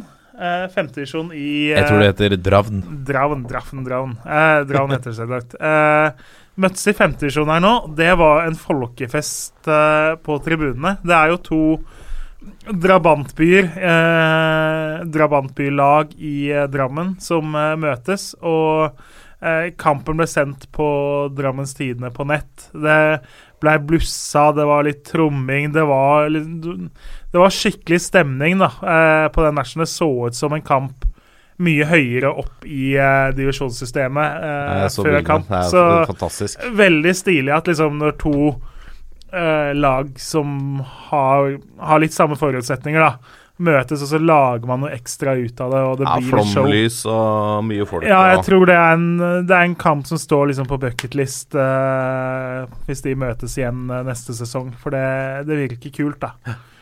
Eh, vi skal hoppe oss videre. Vi eh, har jo nevnt en annen gang her at Skade, eh, som jo spiller i Telemark, de eh, hadde jo en spiller som pådro seg beinbrudd, og vi var litt usikre på om forsikringa dekka sånne ting når du spiller for skade. Eh, skade skulle spille mot Notodden 2 her. Klarte ikke å stille lag. Ja, det, er jo, det er jo lett å tenke seg eh, årsaken til eh, det. Det var, det var mye Åh. skader hos Skade, rett og slett. Å, Så Fantastisk. den ligger så åpent i det at vi må ta det med. Ja, den må med. Eh, det er klart, om, om vi kan kalle det breddenytt Vi er vel langt inne i kuriøsa, men det får være. Eh, denne er enda mer kuriøs. I går så spilte Heming og Nordstrand toppoppgjør i fjerdedivisjon i Oslo. Kampen ble utsatt eh, ti minutter. Noen som har lyst til å gjette årsak? Nei, da, Toalettbesøk. nei, ja, nei altså hvis dere hadde gjetta, så hadde vært Dommeren begynte å blø neseblod rett før kamp. Måtte da få stoppa neseblodet før han var i stand til å blåse i gang eh, denne kampen. Oi, oi, oi. Rett og slett. Eh, så fikk jeg jo også spørsmål Har vi noen nye til årets dang. Som jo er kåringa vår av eh, en markant målskårer vi har tro på i eh, breddefotballen. Som Han kan ta et høyere nivå. Som kan ta et høyere nivå. Han spiller såpass lavt ned at eh, det på en måte Det teller jo litt imot han. Det er jo litt sånn samme som når Uefa kårer den her Golden Shoe, som jo er årets toppskårer i Europa. Så får du gange ja, med to hvis du spiller i Premier League eller La Liga, og så ganger med én hvis du spiller i Eliteserien. Mm. Så 14 Markus Pedersen-mål er det samme som 7 Harry Kane-mål osv. Ja. Litt som å vekte. Men Ardion Berbatovski, en av flere spillere som gikk fra Kvikk Halden i tredje divisjon, også da til Fredrikshall, som de heter formelt, eller Pristina, som de vel kaller seg, Mm. eh, spiller i sjette divisjon. Eh, kjemper der med Greåker om å rykke opp. Eh, godeste Berbatowski han har på sine 19 matcher skåra 51 mål. Oi, oi, oi. Eh, det er jo, og som han sier beskjeden selv da, til Hamar Nei, til Halden Arbeiderblad 51 mål er 51 mål. Det er jo ganske bra uansett nivå. Og det, det er klart, det kan vi være enig i. Han skårte da seks av tolv mål borte mot Hvaler nå. Skårte tre mål på et par minutter da de slo nettopp Greåker tidligere i sesongen. Eh, og det er klart, han er jo nesten Han er på 2,7 mål i snitt eller noe per kamp. Han har sannsynligvis Nå er ikke Fotball.no er ikke helt oppdatert ned her, for det kommer jo an på om dommerne gidder å legge inn osv. Eh, men han har vel hat trick i de fleste kampene, vil man anta, da. Så Men eh, han har da gått ned nivå for å Ja, nei, jeg vet ikke om det er nødvendigvis for å Nei, nei, få til det, men- han har jo da tre sesonger bak seg for Kvikk Halden i, i annen og tredjedivisjon. divisjon. Eh, har annet vært på trening i Mjøndalen og vist seg fram der. Mm. Så eh, han er jo en spiller som har vist han holder høyere nivå. Og, ja, Er han motivert, så er, trenger jo de fleste lage målskårer. Ja, og det er klart, altså, det er ganske imponerende med 51 mål. Ja. Berbatovski. Ja. Når du, jeg mener når du har et navn som er en symbiose mellom Dimitri Berbatov og Robert Lewandowski, så ligger det i kortene ja. at du, at du kan hende at eh, han kan Du veit hvor kassa står. Ja, jeg, jeg mener det. Jeg mener det. Det har vært interessant å høre hva slags type han er. Kanskje vi må ringe han på et eller annet tidspunkt. Vi må Ja. få en Håvard. Vi må få en Daidalos i studio. Ja. ja, nei, så det er i hvert fall en mann å ha med i miksen, da. Det er klart, 51 mål. Det Ja, er ikke så mange som Shit. overgår det. Hvilken divisjon var det? Sjette divisjon, så det er klart det er jo et nivå hvor jeg har spilt eh, for ikke så altfor lenge siden. Men uh, 51 mål er 51 mål, som han sier selv. Ja. Det, Det skal skåres. de skal skåres av noen. Uh, så det var rett og slett det. Og så tenkte jeg jeg må ha en ting som ikke er breddefotball, men som jo da er bredde noe helt annet, er jo Kent Are Antonsen, poteten til Tromsø. Ja. Hobbyen til Kent Are Antonsen er jo litt uh, overraskende. Nå er jeg spent. Kent Are Antonsen er ekstremt glad i motorsager. er det sånn? Ja, han uh, hadde et intervju med Nordlys før sesongen. Ekstremt glad, liksom? Han ble beskrevet av Morten Gams Pedersen som at uh, de hadde sett en skrekkfilm, tror jeg det var. Eller noe sånn uh, mafiafilm hvor det i hvert fall ble, var kutting av kroppsdeler. Og Kent Are hadde da fortalt om dette motorsagmerket og på en måte vært mer opptatt av det enn eh, kutting av kroppsdeler. Eh, eh, og i Netflix-serien Narcos eh, kunne han si hvilket blad skurkene brukte i en parteringsscene meldes det. Så eh, sier han selv at han får spørsmål om han elsker det. Kjærlighet og kjærlighet, fru Blom. Jeg kan godt komme og hjelpe til hvis noen trenger det. Det å stå og sage noen timer er ikke noe problem. Jeg har en OK sag, ja, for å si det sånn. Kent Å, jeg burde ha ringt han jeg, før jeg dro på fjellet for et par uker siden for å kappe litt på hyttetomta. Ja, Eh. Da kjøpte jeg i en snart alder av 40 min første motorsag. Jeg tror Ja. ikke han hadde anbefalt den typen. Det var ikke den dyreste, for å si det sånn. Nei. Kent Aran, gi dem mannen en sag. Gi unga en sag før fotballen tar dem, er jeg ikke helt for. Dette er toppfotball. Da skal vi se nærmere på neste eliteserierunde, og vi begynner med Stabæk, som tar imot Vålinga Vangstein. Ja, det er jo et eh, desperat og nedrykkstruet Stabæk som skal ta imot det laget de kanskje liker aller best å møte på eget gress. For på 20 forsøk mellom Stabæk og Vålerenga har klart, kun klart å vinne i Bærum tre ganger. Eh, og den første var i lagenes aller første møte eh, i Stabæks eh, debut på toppnivå i Norge i 1995. Deretter ble det spilt 13 serieoppgjør i Bærum før Vålerenga vant to på rad i 2012 og 2014. Og så har nå Stabæk da vunnet de tre siste eh, kampene mot Vålerenga på Nadderud. Eh, til tross for at Stabæk eh, ligger ganske utsatt til, kan vi vel si, så presterer de eh, greit på hjemmebane. All, alle årets fem seire har kommet eh, på Nadderud. Fire kamper har spilt uavgjort, og de har kun tapt på eget kress to ganger.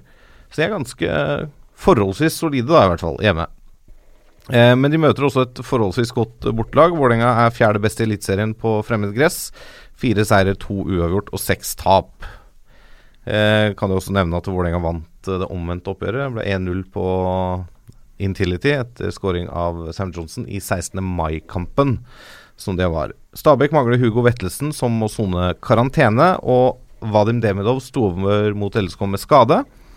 Eh, skade kan det også være på stoppevikar Steinar Strømnes, som gikk av på Åråsen med vondt i ryggen. Så de to er vel eh, usikre, da, kanskje, til, uh, til lørdagens kamp. Hanke Olsen, i hvert fall, da, på stoppeplass. han eh, lukter vel at han får spille den kampen der, ja. Helt klart. Veldig spent på hva Stabæk kan stelle i stand her. Selv om det ble tap mot Lillestrøm sist i en ganske morsom kamp, så virker de mer solide altså, enn tidligere år.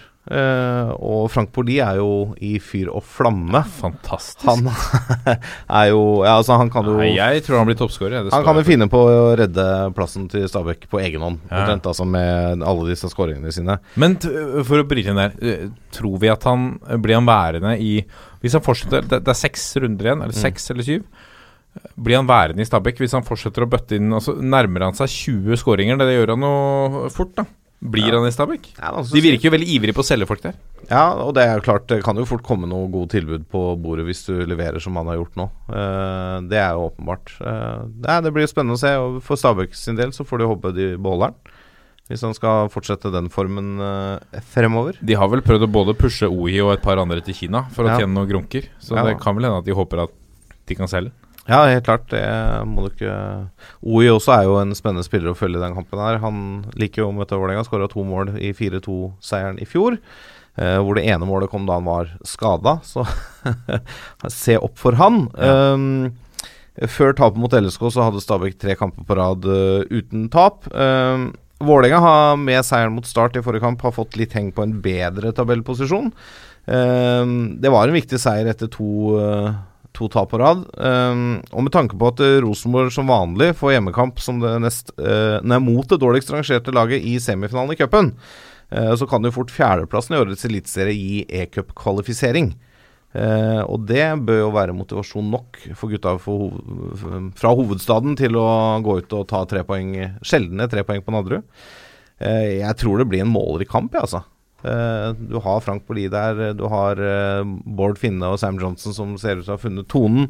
Eh, det er to lag som vil angripe, og to lag som kanskje tidvis eh, glipper litt bakover. Eh, men, men jeg tror pga. hjemmeformen deres og historikken at Stabæk tar tre viktige poeng i nedrykkssiden. Gjensyn med gamleklubben for Markus Sandberg. Ja, det blir det også. Eh, jeg tror ikke statistikken om at X-spillere scorer mot Vålerenga slår til i den kampen der med eh, Markus Sandberg, men eh, hvis Steinar Strømnes kommer seg på beina, så kan jo han finne på å heade inn en corner, han. Hvis Markus Sandberg scorer mot Vålerenga, hva, eh, hva kan du love å gjøre da? Da skal jeg bake cookies til dere en gang til. Nei, det er, det er for dårlig, ass. Nei, Selv om det er sikkert gode kaker. Men, men, men du kunne vært villig til å uh, New York Marathon? Nei, nei, nei. Ok. Jeg skal ikke løpe. Godt. Godt New York Godt Marathon. New York Marathon. Blir jo nappa etter eh, tre kilometer. Ja. Vi går videre til Marienlyst og Strømsgodset som tar imot Haugesund. og Dette er jo tilsvarende oppgjør som vi hadde i cupen, hvor Strømsgodset eh, trakk det lengste, lengste strået og sendte Haugesund ut. Litt overraskende kanskje når vi ser på tabellplasseringen på de to lagene. Cupen lever jo litt sitt eget liv. Nå er det jo sånn at Godset står med to seire på rad, hvis vi tar med cupseieren mot eh, Haugesund. Eh, de kommer fra et en sterk borteseier må vi i utgangspunktet si mot Sarpsborg 08. Så skal det vel tas med at uh, Sarpsborg eh, ikke akkurat er i sitt livsform borte i eh, Østfold. Eh, nå har BP vært åpen om at de har lagt om eh, formasjonen og strategien litt. De, de skjønner at de er nødt til å, å holde seg over eh, bunnen her og spille mer kynisk. De har eh, lagt seg lavere i de to siste kampene. Og vi ser at kreative, offensive spillere som Eirik Hulland Andersen f.eks. er tvunget til å ta en større sjau bakover på banen. Nå har de i tillegg en, føler jeg en litt sånn positiv uh, vibe rundt seg med, med Lars Sætra som skaffa straffa sist. En, en tvilsom straffe er det mange som sier. Uansett, uh, bror, lillebror Morten som nå har tatt, tatt buret, må vi kunne si, i, i Strømsgodset. Eh, BP sa vel til VG at eh, han har hatt god utvikling, tatt store steg, og det er vanskelig å rokke ved han nå. Noe klarere eh, tegn til at, eh, at vi har en ny førstekeeper i Drammen, eh, finner vi vel ikke. Haugesund på sin side tok uh, sin første seier på fire kamper sist. 1-0 mot, hjemme mot eh, Bodø-Glimt. David Akintola sikra seieren etter at lagene hadde vært best i, i hver sin omgang. Uh, vanskelig å si. To lag som ikke er i kjempeform, noen av de. Godset eh, kanskje på en, eh, på en På vei opp, eh, oppover. Hvis, hvis Det kan jo hende at uh, godeste Setra blir, kan bli viktig mellom, mellom stengene for drammenserne. Statistikken mellom disse er i uh, godsets favør, med fire seire av seks mulige på de seks siste matchene. Eh, på skadefronten er det lite å melde. Pellegrino er litt usikker, men blir nok klar. Eh, for Haugesund er Skjerve og Kone litt usikre, men man tenker at de også blir klare til dette oppgjøret. Eh, jeg tror det blir et målfattig oppgjør, og det ser vi jo. Eh, FK Haugesund slo Glimt 1-0 i forrige seriekamp. Strømsgodset har to Ingen innslupne på de to siste matchene og én scoring i hver av de. Så eh, jeg tror det er eh, i hvert fall et godselag som har fokus på, virker det som, å ikke slippe inn. Og så tar man det som måtte komme forover.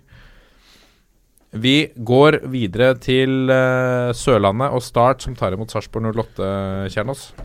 Ja, det er Start eh, eh, klarte jo dette Lasse frykter med at det tidligere Vålerenga- Vålerenga-spillere setter ballen i mål mot Vålerenga. Eh, Simon Larsen gjorde det jo elegant to ganger der på Intility, men det i Starts mål, da. Det, Han gjorde det én gang, og så Ja. glapp han noe voldsomt på to der. ja, det er sant det. Eh, så for en gangs skyld så var jo det godt for dem med besøk av gamle helter. Eh, Start skapte jo veldig spenning på slutten her. Det var en litt sånn utypisk startkamp under Rekdal, fordi det blei litt tut og kjør, og det er, er vel mest Vålerengas uh, fortjeneste i den kampen. Uh, her så tror jeg det blir en tett og jevn kamp hvor Start kommer til å ikke ta unødige sjanser, uh, sånn som de ofte har gjort hjemme nå. Eh, fordi med resultatene De ligger altså under streken med seks kamper igjen, og selv om det er kort vei opp, så eh, er det her en veldig viktig kamp for dem. Eh, og det er klart, Sarpsborg nå de er jo inne i en alvorlig blindgate. Eh, seks serietap i tillegg til to tap da i Europaligaen. Eh, og så eh, kommer de jo hit etter å ha spilt Europaliga hjemme mot Gent på eh, torsdag. Eh, vist at eh, de har ikke funnet helt den rytmen eh, som skal til for å spille torsdag-søndag, torsdag-søndag. Eh, og her kommer de uten Ole Jørgen Halvorsen, som har seks gule kort. De er altså på 32 poeng, og vinner Start, så er de på 26. Skulle Stabæk i tillegg da vinne og Lillesund ta poeng? Altså, Sarpsborg kan med tap være 6-7 poeng unna direkte nedrykk og 5-6-7 unna kval. Så selv om ingen tror at det skal gå så gærent, så kan det i hvert fall begynne å svette litt og få litt høyere puls, da. Eh, skulle det gå gærent her òg. Men det er også kort vei oppover, da. Men eh, ja, nei, det Sarpsborg-laget har ikke vært helt enkelt å forstå. Det er veldig lett å forklare det med Europaligaen, som er en stor del av det. Men de har sett, eh, sett veldig tamme ut. Eh, hvis man husker da tilbake til noen av kampene i vår, så var det jo helt sånne tasmanske djevelvarianter å møte. Altså, de var oppe der med en gang, og den spruten har de ikke i det hele tatt eh, lenger. Så de, de har blitt mye enklere lag å forsvare seg mot, og eh, å ha ballen i laget mot. Eh, to ting som Geir Bakke er nødt til å finne ut av nå. Hva med Christian Michelsens menn i Kristiansund? De tar imot eh, Tromsø, Vangstein. Ja, er det lov å kalle det her et litt eh, grått oppgjør med lite å spille Åh. om? Mener du det? er tiendeplass mot åttendeplass. Eh, Tromsø kan selvfølgelig med seier få heng på topp seks. Eh, men det er fort litt for langt opp til nevnte topp fire og mulig europakvalik. Eh, Kristiansund ligger litt i ingenmannsland. Eh, for langt unna nedrykksstriden til at det, det er sannsynlig at de havner helt der nede. Og jeg tror også veien opp til topp seks er litt, eh, litt for bratt. Tromsø tok jo en meget sterk seier hjemme mot uh, Brann sist. eh, men jeg, de jeg syns det virker som de har vist en Eller de har jo vist en litt sånn dalende kurve i sommer og nå sensommeren og nå i høst. Kun to seire på de siste ni, eh, og seks av de har endt med tap. Så det, det er ikke kjempeform på guttene. Um, og åtte av Tromsøs elleve tap i årets sesong har kommet på bortebane. De kan kun vise til tre seire og én uavgjort på fremmedgress. Kristiansund er ikke like solide hjemme som i fjor, uh, men har kun tre tap på eget kunstgress.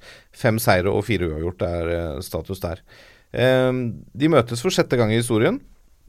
De fem tidligere kampene har gitt to seire til KBK, begge i Kristiansund.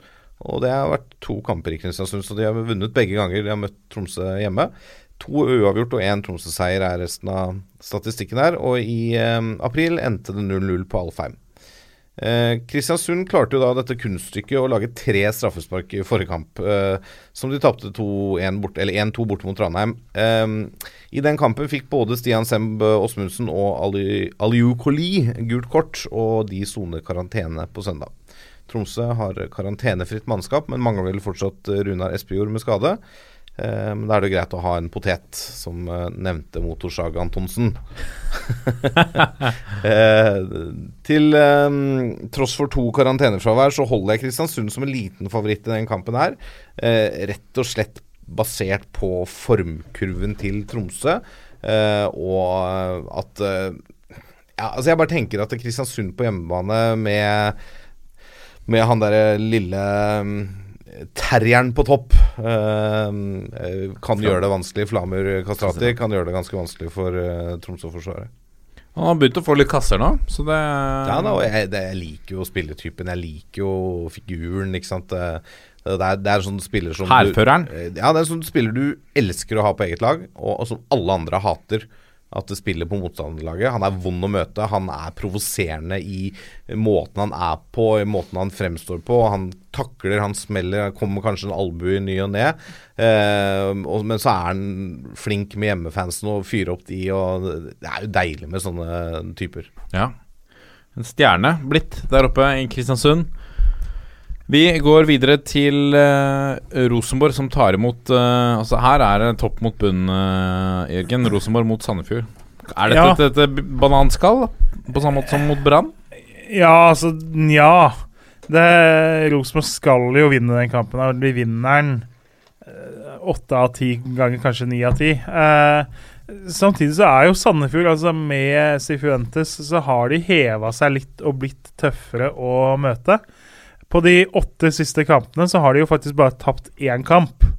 Uh, de har tatt poeng i Bergen. De har uh, holdt Ranheim til uavgjort borte. De slo Tromsø. De eh, holdt på å slå Vålerenga, men måtte nøye seg med uavgjort. Uh, videre. Holdt Odd da til U sist. Så Sandefjord har blitt et mye verre lag å møte, selv om det det renner fortsatt inn en god del mål hos dem, men de er en mye større trussel offensivt. Men så er det klart at når seks av de her åtte siste kampene har endt uavgjort, da, så de har tatt, tatt ni poeng, og da tar de jo ikke innpå noe særlig på de lagene de er nødt til å ta innpå. Så eh, de har blitt verre å møte, men de har ikke bedra sin egen situasjon pga. eh, på grunn av det, da, fordi de andre lagene i bunnen har vunnet en del kamper hver. Eh, så det er klart Men Sandefjord, da, på Lerkendal, det er litt sånn Hva venter man seg der? Eh, jeg tror ikke det blir sånn som det ble i Det var vel 2006, at de spilte spilte cupsemifinale der borte, hvor da tidligere nevnte Olav Sanetti skårte to, redda to på streken. Altså, det så ut som Dani Alves på speed, eh, rett og slett, på høyrebekken. Eh, Rosenborg kom jo i likhet med Sarpsborg fra Europaliga på torsdag. Eh, kommer fra en fryktelig forestilling med trønderske øyne i Molde. Eh, så det er klart, etter den forestillinga der i Molde, så kreves det en skikkelig kamp eh, hjemme mot Sandefjord. Da, for å på en måte bøte litt på det som skjedde i Molde, så vil man som trønder forvente at nå skal vi kjøre over det laget som ligger sist på tabellen her. Eh, Rosenborg trenger litt å bedre det ryktet sitt, og så har de en trener som trenger å styrke aksjene sine så bra som mulig hvis han vil ha den jobben permanent. Og da må man vise et offensivt spill hjemme mot Sandefjord som er godt. Fordi Kåre Ingebrigtsen vant, men eh, ble jo bl.a. sparka pga. manglende offensiv utvikling i laget. Eh, så hvis ikke Rosenborg nå viser noe mot Sandefjord, så ser det jo ikke bra ut for Rini Kolen heller, med tanke på trenerjobben. Men åpenbart at det skal være en hjemmeseier, og jeg, jeg tror Rosenborg vinner kontrollert eh, 2-0 der. Ja. Nå har vi ikke snakket om Brann Lillestrøm ennå, men, men, men anser du det som Ja, med en hjemmeseier for Brann der, da, og en uh, ja, Rosenborg taper ikke hjemme. Men, eh, men jeg anser ikke Når vi ser hva Sandefjord har gjort, da, de, de fire siste matchene er uavgjort. Eh, som du sier, tatt, de har tatt ni poeng på, på Hvor mye er det? De syv siste? Ja, åtte, åtte siste. Det er altså eh, Han har åpenbart gjort noe med det laget. Ja da, men det er jo som Jørgen sier, de har jo ikke nærma seg de foran noe særlig på det her. Det er bare én seier òg på de siste åtte. da Ja. Så det, er litt, det blir for få seire, og nå mista vel sannsynligvis fella for en liten stund òg. Han gikk av med skade Han har vært viktig. uh, mot Odd, uh, så ja. Det blir tøft. Det gjør det. Ja, det er det ikke tvil om. Vi går videre til Bodø-Glimt eh, mot Molde. Bodø-Glimt har ikke slått Molde hjemme på Aspmyra på 13 år. Eh, da skåra Harald Brattbakk og Trond Olsen for Glimt. Det kunne jo vært eh, Trond Olsen var jo i stallen tidligere i år, men ble jo sendt videre. Eh, vist døren, ble han vel, og, og sendt videre til Sogndal. Statistikken lagene imellom er Den synes jeg er litt pussig. De siste seks oppgjørene på Aspmyra har endt med fire Molde-seire og to uavgjorte. De siste seks oppgjøra i Molde har endt med fire Glimt-seire og to Molde-seire. Dette er lag som liker å møte hverandre på, eh, på bortebane, helt uh, åpenbart. Molde herja mot Rosenborg sist. Uh, det er lenge siden jeg har sett Det er lenge siden jeg har sett Rosenborg blitt herja så mye med som de ble i den matchen der. De var eh, soleklart best i, i det meste, Molde. Anført av Hestad, eh, Eikrem Du har en, eh, en maskin på topp i Braut Haaland som ikke altså Dette var ikke hans beste kamp, men han jobber og sliter og kommer ikke de, største sjansene. Men han er en eh, Han binder opp folk, han eh, holder på ballen, han er viktig for de, og eh, interessant også å se at eh, han kan være viktig for de også, å å overlate skåringene til noen andre. Den seieren burde jo vært større. Altså De burde jo hatt eh, De kunne jo leda 3-4-0 til pause, og det hadde ikke vært Det hadde nesten ikke vært for mye. Det var så mye sjanser til, eh, til hjemmelaget. Det er litt fristende å melde her at man får litt den samme effekten som et lag får når de går på en storseier. At eh, det kan falle litt i neste kamp. Jeg vet ikke om det er like enkelt å motivere seg for en bortekamp på, på Aspmyra, men Molde har jo masse å, å spille for. De er, eh, de er bare to poeng foran, eh, foran Haugesund, eh, som ligger bak de på fjerdeplass. Um, for Bodø-Glimt sin del så, så hadde de en ok match mot, mot Haugesund sist. Tapte 1-0 der. Etter at de Som, som nevnt så var de De hadde hver sin omgang, eh, lagene. Det var David Akentola som var tungen på vektskålen. Nå har de uh, ingen ute, bortsett fra Jonassen og Kupen, selvfølgelig.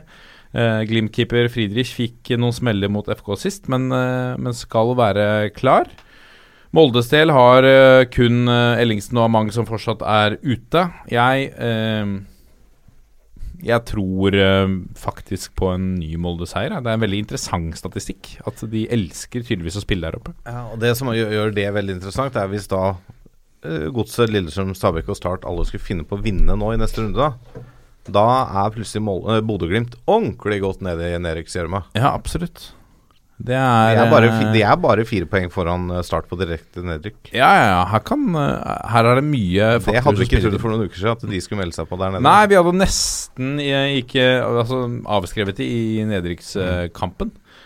Så eh, det er eh, foreløpig fem poeng opp til de 32 som Kjetil Rekdal mener sikrer eh, plassen i Eliteserien.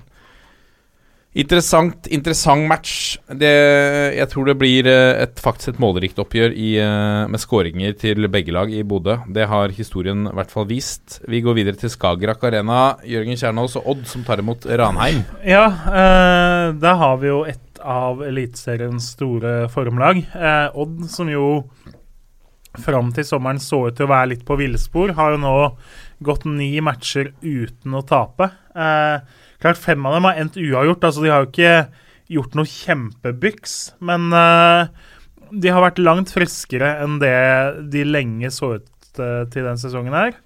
Eh, og så var jo da matchen i Sandefjord nå var OK eh, pluss, kanskje, men ikke, ikke noe sånn kamp som du husker veldig lenge i Skien, da.